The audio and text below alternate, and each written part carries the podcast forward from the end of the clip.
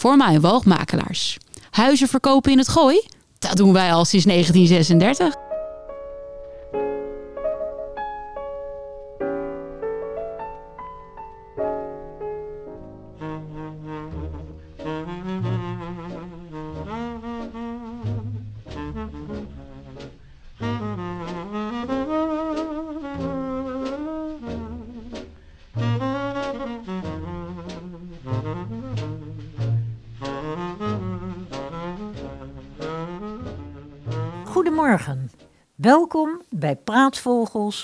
Aflevering 58.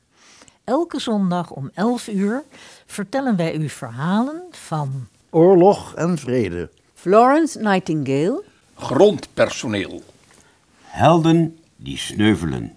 Wat zijn wij toch naïef wanneer wij lachen met tv-series als MASH en Allo Allo of die komische film uit Duitsland over hun dictator met zijn gekke snurretje. Want nu worden we alweer tot de orde geroepen door een echte oorlog in Oekraïne. Hersenloze en dus ook gewetenloze volksmenners drijven ons telkens weer een afgrond in van pijn en verdriet. Ook Roald Dahl, bij velen bekend als de schrijver van lachwekkende verhalen en sprookjes, laat ons de lelijke kant van de oorlogsmachinerie zien in Een Makkie.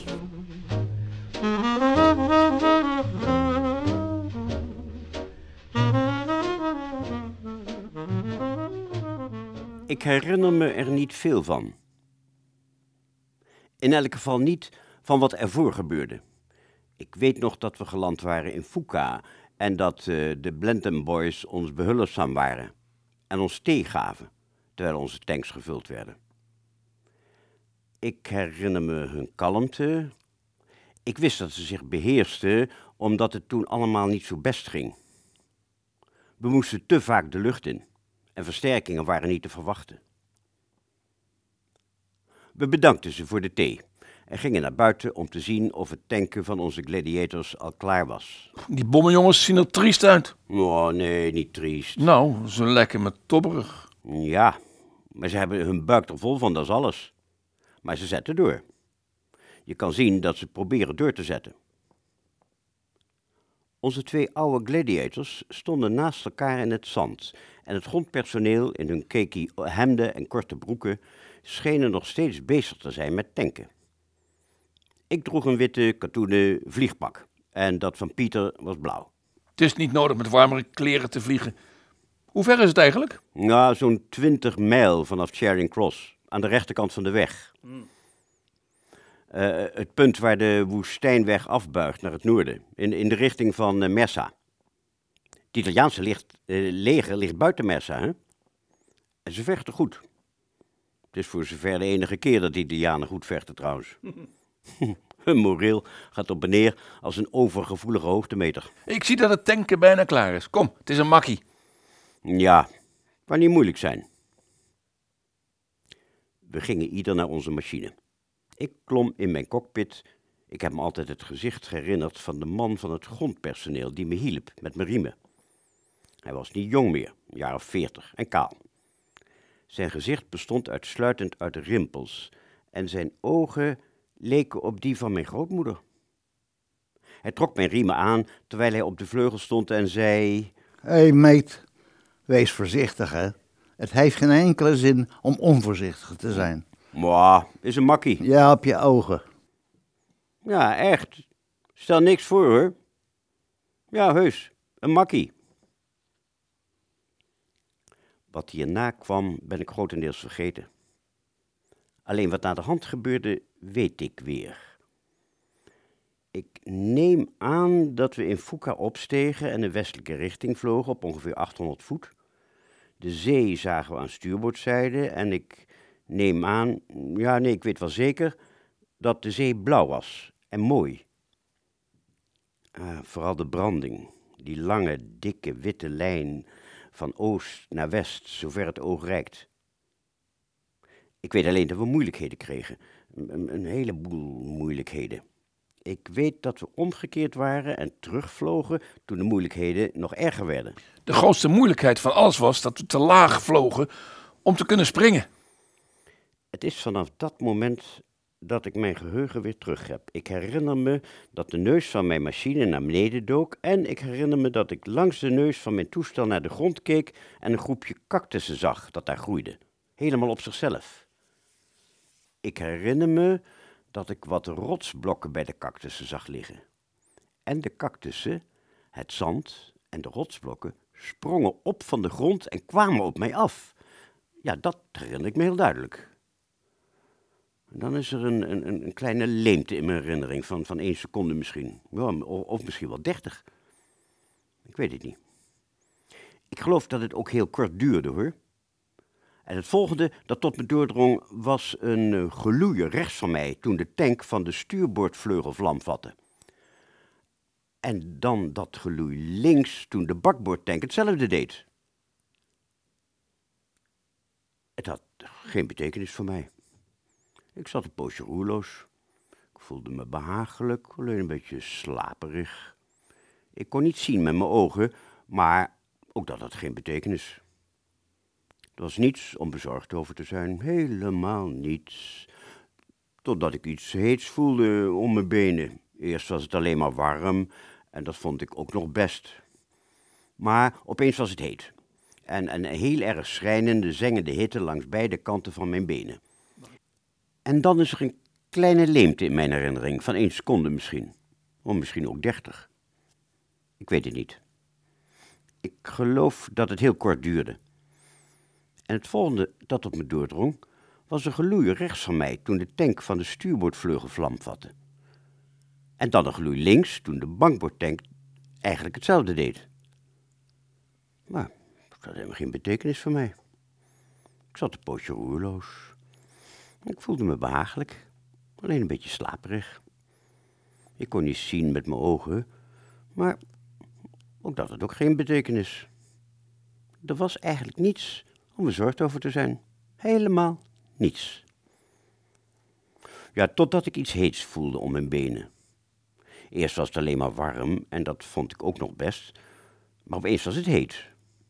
Een heel erg schijnende, zengende hitte langs de beide kanten van mijn benen. Ik wist dat de hitte onaangenaam was, maar ja, dat was ook alles wat ik wist. Ik stak daarom mijn benen zo ver mogelijk onder mijn stoel en wachtte maar af. Ik geloof dat er iets haperde aan het telegrafisch stelsel tussen mijn lichaam en mijn hersenen. En dat leek niet al te best te functioneren. Op de een of andere manier was het nogal traag in de berichtgeving aan de hersenen en het vragen om instructies. Maar ik geloof dat het tenslotte toch een boodschap doorkwam. Met de volgende inhoud. Hier beneden is het vreselijk heet. Wat moeten we doen? Ondertekend linker en rechterbeen. Het antwoord liet lang op zich wachten. De hersenen dachten erover na. Dat werd langzaam, woord voor woord, het antwoord doorgezeind. Het vliegtuig brandt. Ga eruit. Herhaling, ga eruit. Ga eruit. Het bevel werd aan alle lichaamsdelen doorgegeven, hè, dus aan de armen en de benen en de romspieren. En de spieren gingen aan het werk. Dat we zeggen, ze deden hun best en duwden een beetje en trokken een beetje en spannen zich geweldig in. Maar het hielp niets. Er ging een nieuw telegram omhoog. Kunnen er niet uit. Iets houdt ons tegen. Het antwoord hierop duurde nog langer. Dus zat ik gewoon maar te wachten tot het kwam. En intussen nam de hitte wel toe. En iets hield me tegen. En de hersenen moesten maar uitvinden wat. Waren het reuze handen die op mijn schouders drukten, of zware keien, of huizen, of stoomwalsen, of dossierkasten, of was het de zwaartekracht, of waren het touwen? Hé, hey, hey, wacht eens even. Touwen? Touwen? Oh, de boodschapbom begon door te komen. Heel erg langzaam. Je riemen, maak je riemen los. Mijn armen vingen de boodschap op en gingen aan het werk. Ze rukten aan de riemen, maar die wilden niet los. Ze rukte nog eens. En nog eens. Nogal zwakjes, maar zo hard als ze maar konden. Het hielp niets. Er ging weer een boodschap terug. Hoe moeten we de riemen losmaken? Deze keer zat ik wel drie of vier minuten op een antwoord te wachten. Het had geen zin om het te haasten of ongeduldig te worden. Oh, het was het enige wat ik zeker wist. Maar wat duurde het wel allemaal erg lang. En ik zei hardop, zo de ju zeg ik, verbrand nog. Maar ik werd onderbroken. Het antwoord kwam door. Eh, nee, toch, de, oh ja, ja, nee, toch wel, ja. Ja, langzaam kwam het door. Trek je ontspanningspal eruit. Stomme idioot, schiet op. Dus trok ik de pal eruit en de riemen waren los. Nu naar buiten. Eruit, eruit. Maar, maar dat lukte me niet. Ik probeerde gewoon uit de cockpit te stappen. Armen en benen deden wel hun best, maar het ging niet. Een laatste wanhopige boodschap schoot naar boven. Dit keer aangeduid als... eh, Dringend. Nog iets anders houdt me vast. Nog iets anders. Nog iets anders. Iets, iets zwaars. De armen en benen vochten nog steeds niet. Het was of ze instinctief begrepen dat het geen zin had om hun krachten te verspillen. Ze bleven kalm en wachten op het antwoord, en dat duurde vreselijk lang. Twintig, dertig, veertig hete seconden. Nog steeds niet wit heet, geen schroeiend vlees, geen braadlucht, maar dat zou nu, lang, nu niet lang meer duren. Die oude gladiators zijn niet van gepantserd staal gemaakt, zoals een Hurricane of een Spitfire. Ze hebben vleugels van gespannen canvas, bedekt met een ongelooflijk brandbare lak. En onder dat canvas zitten honderden kleine, dunne latjes van het soort dat je onder de grote houtblokken legt, om een vuurtje aan te maken. Alleen nog droger en dunner.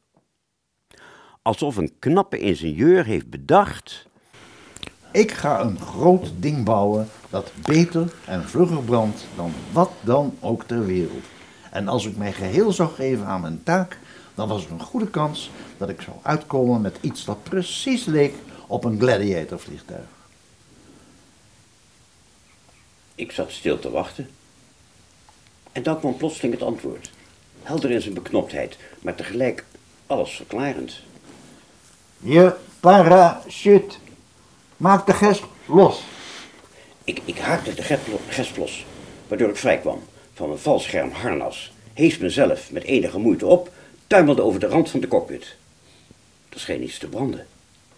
Dus tolde ik door het zand, kroop dan op handen op voet en voeten weg van het vuur en bleef liggen. Ik hoorde wat van mijn machinegeweer ammunitie in de hitte ontploffen. En ik hoorde de kogels vlakbij in het zand inslaan. Maar ik maakte me geen zorgen. Ik, ik, ik, ik, ik hoorde ze alleen maar. Hier en daar begon ik pijn te voelen. En Vooral mijn gezicht deed pijn. Er was iets niet in orde met mijn gezicht. Er was iets mee gebeurd. Langzaam bracht ik mijn hand ertoe om te voelen. Het was kleverig. Mijn neus scheen er niet te zijn. Ik, ik probeerde mijn tanden te voelen, maar ik herinner me niet dat ik tot een conclusie kwam. Ik, geloof dat ik in slaap sukkelde. Opeens was Pieter er. Ik hoorde zijn stem en hij begon als een waanzinnige mijn hand te schudden. Jezus, ik dacht dat je er nog in zat, zeg. Ik ben 800 meter verderop neergekomen en ik heb gerend als een gek. Voel je goed? Eh, eh, eh, Pieter, mijn neus. Wat is er met mijn neus gebeurd? Ik hoorde hem een lucifer aanstrijken in het donker. De nacht valt snel in de woestijn, hè? Het was even stil. Ik geloof niet dat er, dat er veel van over is. Doet het pijn? Ja, ja, wees niet zo verdomde idioot. Ja, natuurlijk doet het pijn. Hij zei dat hij wegging naar zijn machine om wat morfine uit het noodpakket te halen. Hij was alweer gauw terug. Ik kan verdomme mijn toestel niet meer vinden in het donker. Pieter, ik kan niet zien. Ja, het is avond, ik kan ook niet zien. Maak je daar nog geen zorgen over. Maar het wordt koud. Ik kom tegen je aan liggen, zoals we, zodat we het wat warmer hebben. Ik heb nog nooit eerder een man zonder, zonder neus gezien. Oeh. ik, ik, ik, ik bleef bloed spugen. En elke keer dat ik dat deed, streek Pieter een lucifer aan. Eh, op een goed moment gaf hij me een sigaret, maar die werd nat. Ik had trouwens helemaal geen zin in. Ik weet niet hoe lang we daar gebleven zijn.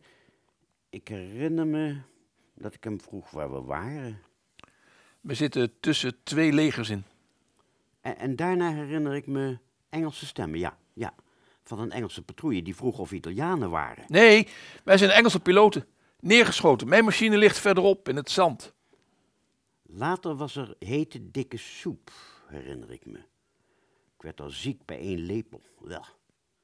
En al die tijd had ik het prettige gevoel dat Pieter bij me was. Dat hij meesterlijk was en meesterlijke dingen deed. En steeds blij me bij me bleef. Ja, dat is alles wat ik me kan herinneren. En toen zakte ik weg, geloof ik. De mannen stonden naast het vliegtuig, bezig met het schilderen en praten over de hitte. Schilderen ze plaatjes op de machine? Ja, een schitterend idee. Subtiel. Ja, ik zou wel eens willen weten waarom. Nee, dat zijn moppen. De Duitse vliegers beginnen allemaal te lachen als ze die zien. Ze zullen zo schudden van het lachen dat ze niet meer recht kunnen schieten. Onzin, apenkool, joh. Nee, kom op. nee, nee, schitterend idee. Groots. Kom maar eens kijken. Oh, we, liep, we liepen langs een rij vliegtuigen, hè? Hink, stap, sprong. Hink, stap, sprong. Let op de maat. En de schilder van het eerste vliegtuig had een strooien hoed op zijn hoofd en een droevig gezicht. Hij tekende een mop. En uit het tijdschrift. En toen Pieter de mop zag, zei hij... eh, Allemachtig, jongen, moet je dat zien? "Nou, ik vind er niks aan. Ha, niks aan. Wat bedoel je niks aan? Kijk naar mij gewoon. Kijk hoe ik lach, jongen. Als ik zo lach, zou ik niks kunnen raken. Ik zou nog geen hooiwagen raken. Nog, nog geen huis. Hij huppelde verder over het zand, bulderend en schuddend van het lachen. En toen greep hij mijn arm. En we liepen naar het volgende vliegtuig. En daar was een kleine man bezig met een verfrommeld gezicht. En met een rood potlood schreef hij een lang verhaal op de romp. En zijn strooien hoed was achter op zijn hoofd gezakt. En zijn gezicht glom van het zweet. Goedemorgen, goedemorgen. Wordt dit niet prachtig? En Pieter begon te lezen wat de kleine man had opgeschreven. Hij had onderwijl voortdurend lopen hikken en proesten en nu begon hij opnieuw te lachen. hij, hij schudde heen en weer en, en rolde door het zand terwijl hij zich op zijn dijen sloeg. Oh, wat een grap, wat een goede grap. Kijk naar mij, hoe ik lach. Hij huppelde maar rond op zijn tenen en plotseling begreep ik de grap ook. En ik begon mee te lachen. ja, ik bedoel, eh, ja, omdat het zo gek was, dat ik er niets anders aan kon doen. Eh, Pieter, je bent grandioos. Daar kunnen al die Duitse vliegers, zeg, kunnen ze niet dat, dat, dat Duits wel lezen? Wat zeg je?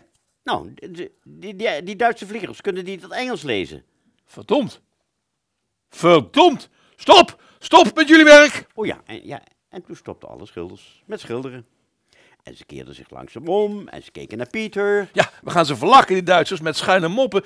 Maar niet zo. Want dit kunnen ze niet, le- niet lezen. Jij spreekt toch Duits? Nou, jij moet het voor ons Nou, vertalen.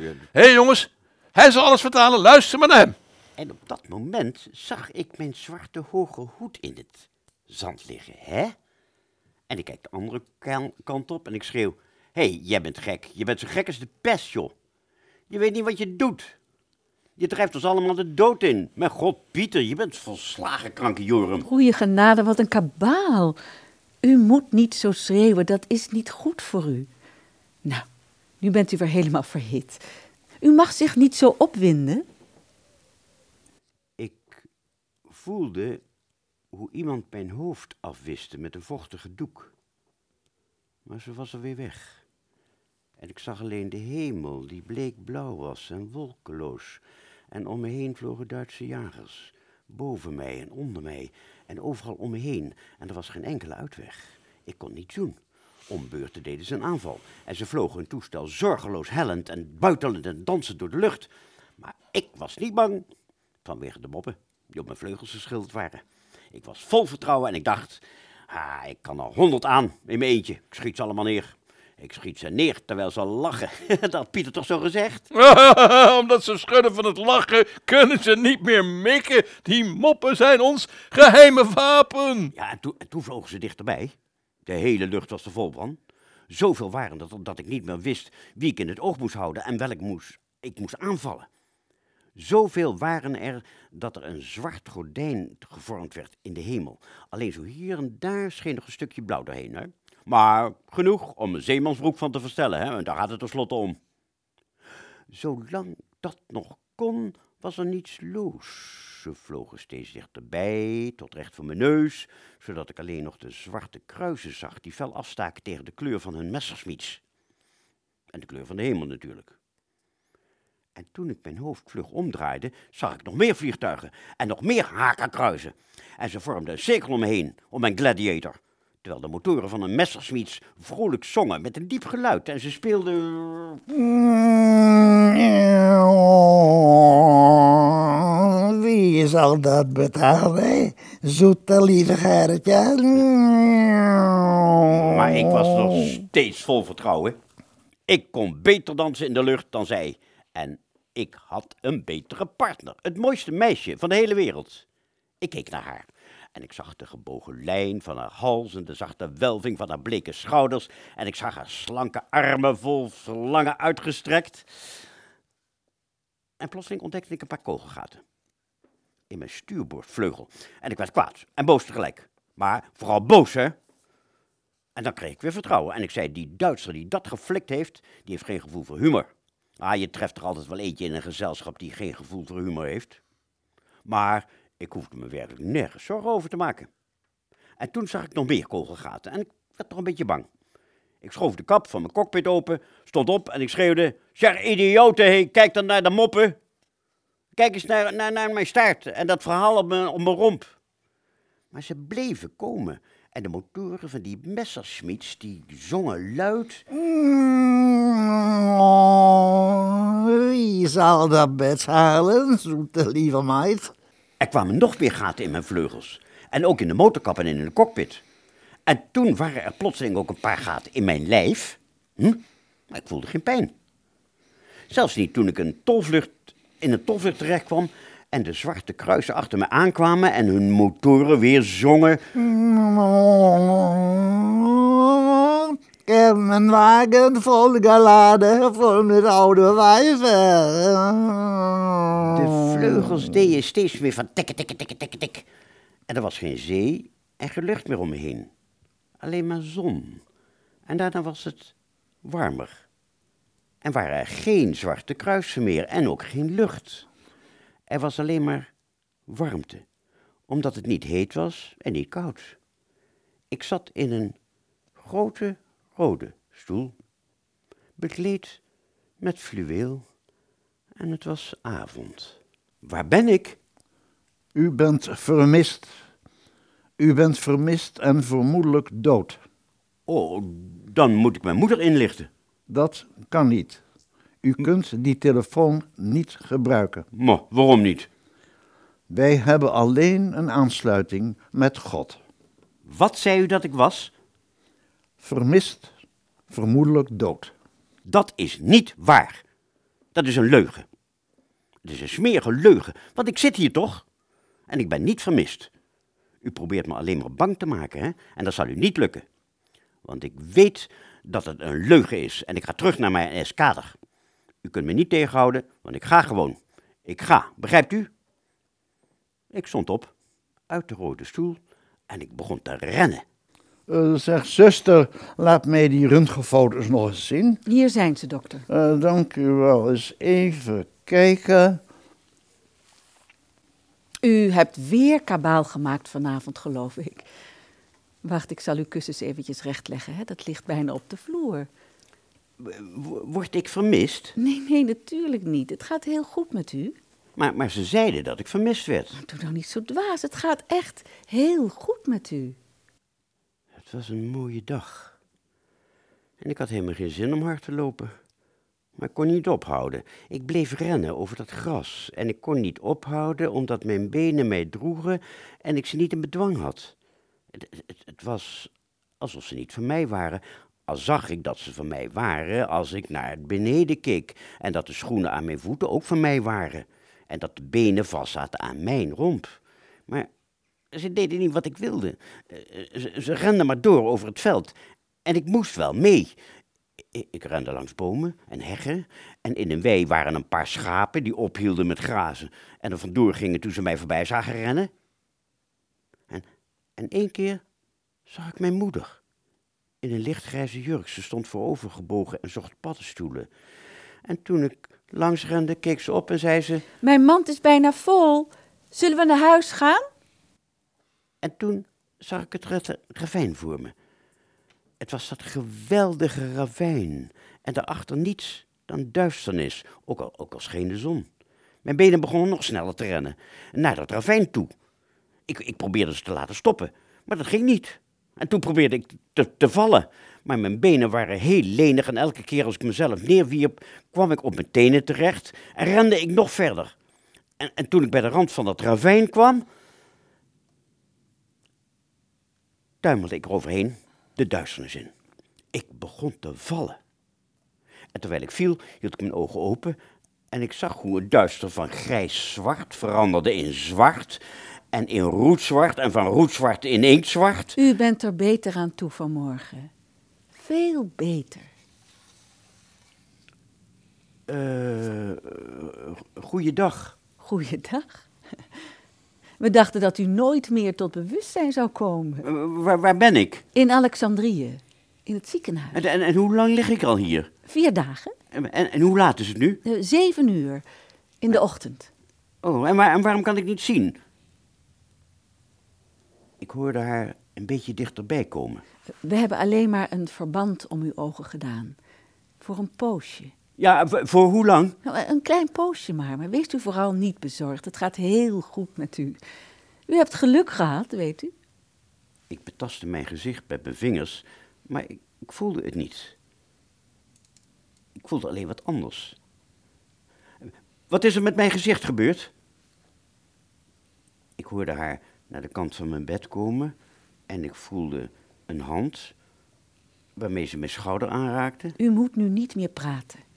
U mag helemaal niet praten, want dat is slecht voor u. Lig nou maar stil, maak u zich geen zorgen, want het gaat echt heel goed met u. Ik hoorde het geluid van haar voetstappen over de vloer terwijl ze wegliep. En ik hoorde de deur open en dicht gaan. Zuster, riep ik. Zuster! Maar ze was al weg.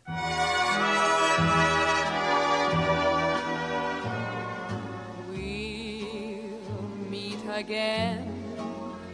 Don't know where, don't know when, but I know we'll meet again some sunny day. Dit was aflevering 58. Vandaag hoorde u de praatvogels Wiebe van Dijk, Corine van der Walbaken, Bart Neervoort en Michiel van Zeggelen. En mijn naam is Hansje Terlingen. Tot volgende week zondag om 11 uur. U kunt de praatvogels ook afluisteren op elk ander moment via Spotify, de praatvogels of via de podcast van dorpsradio.nl.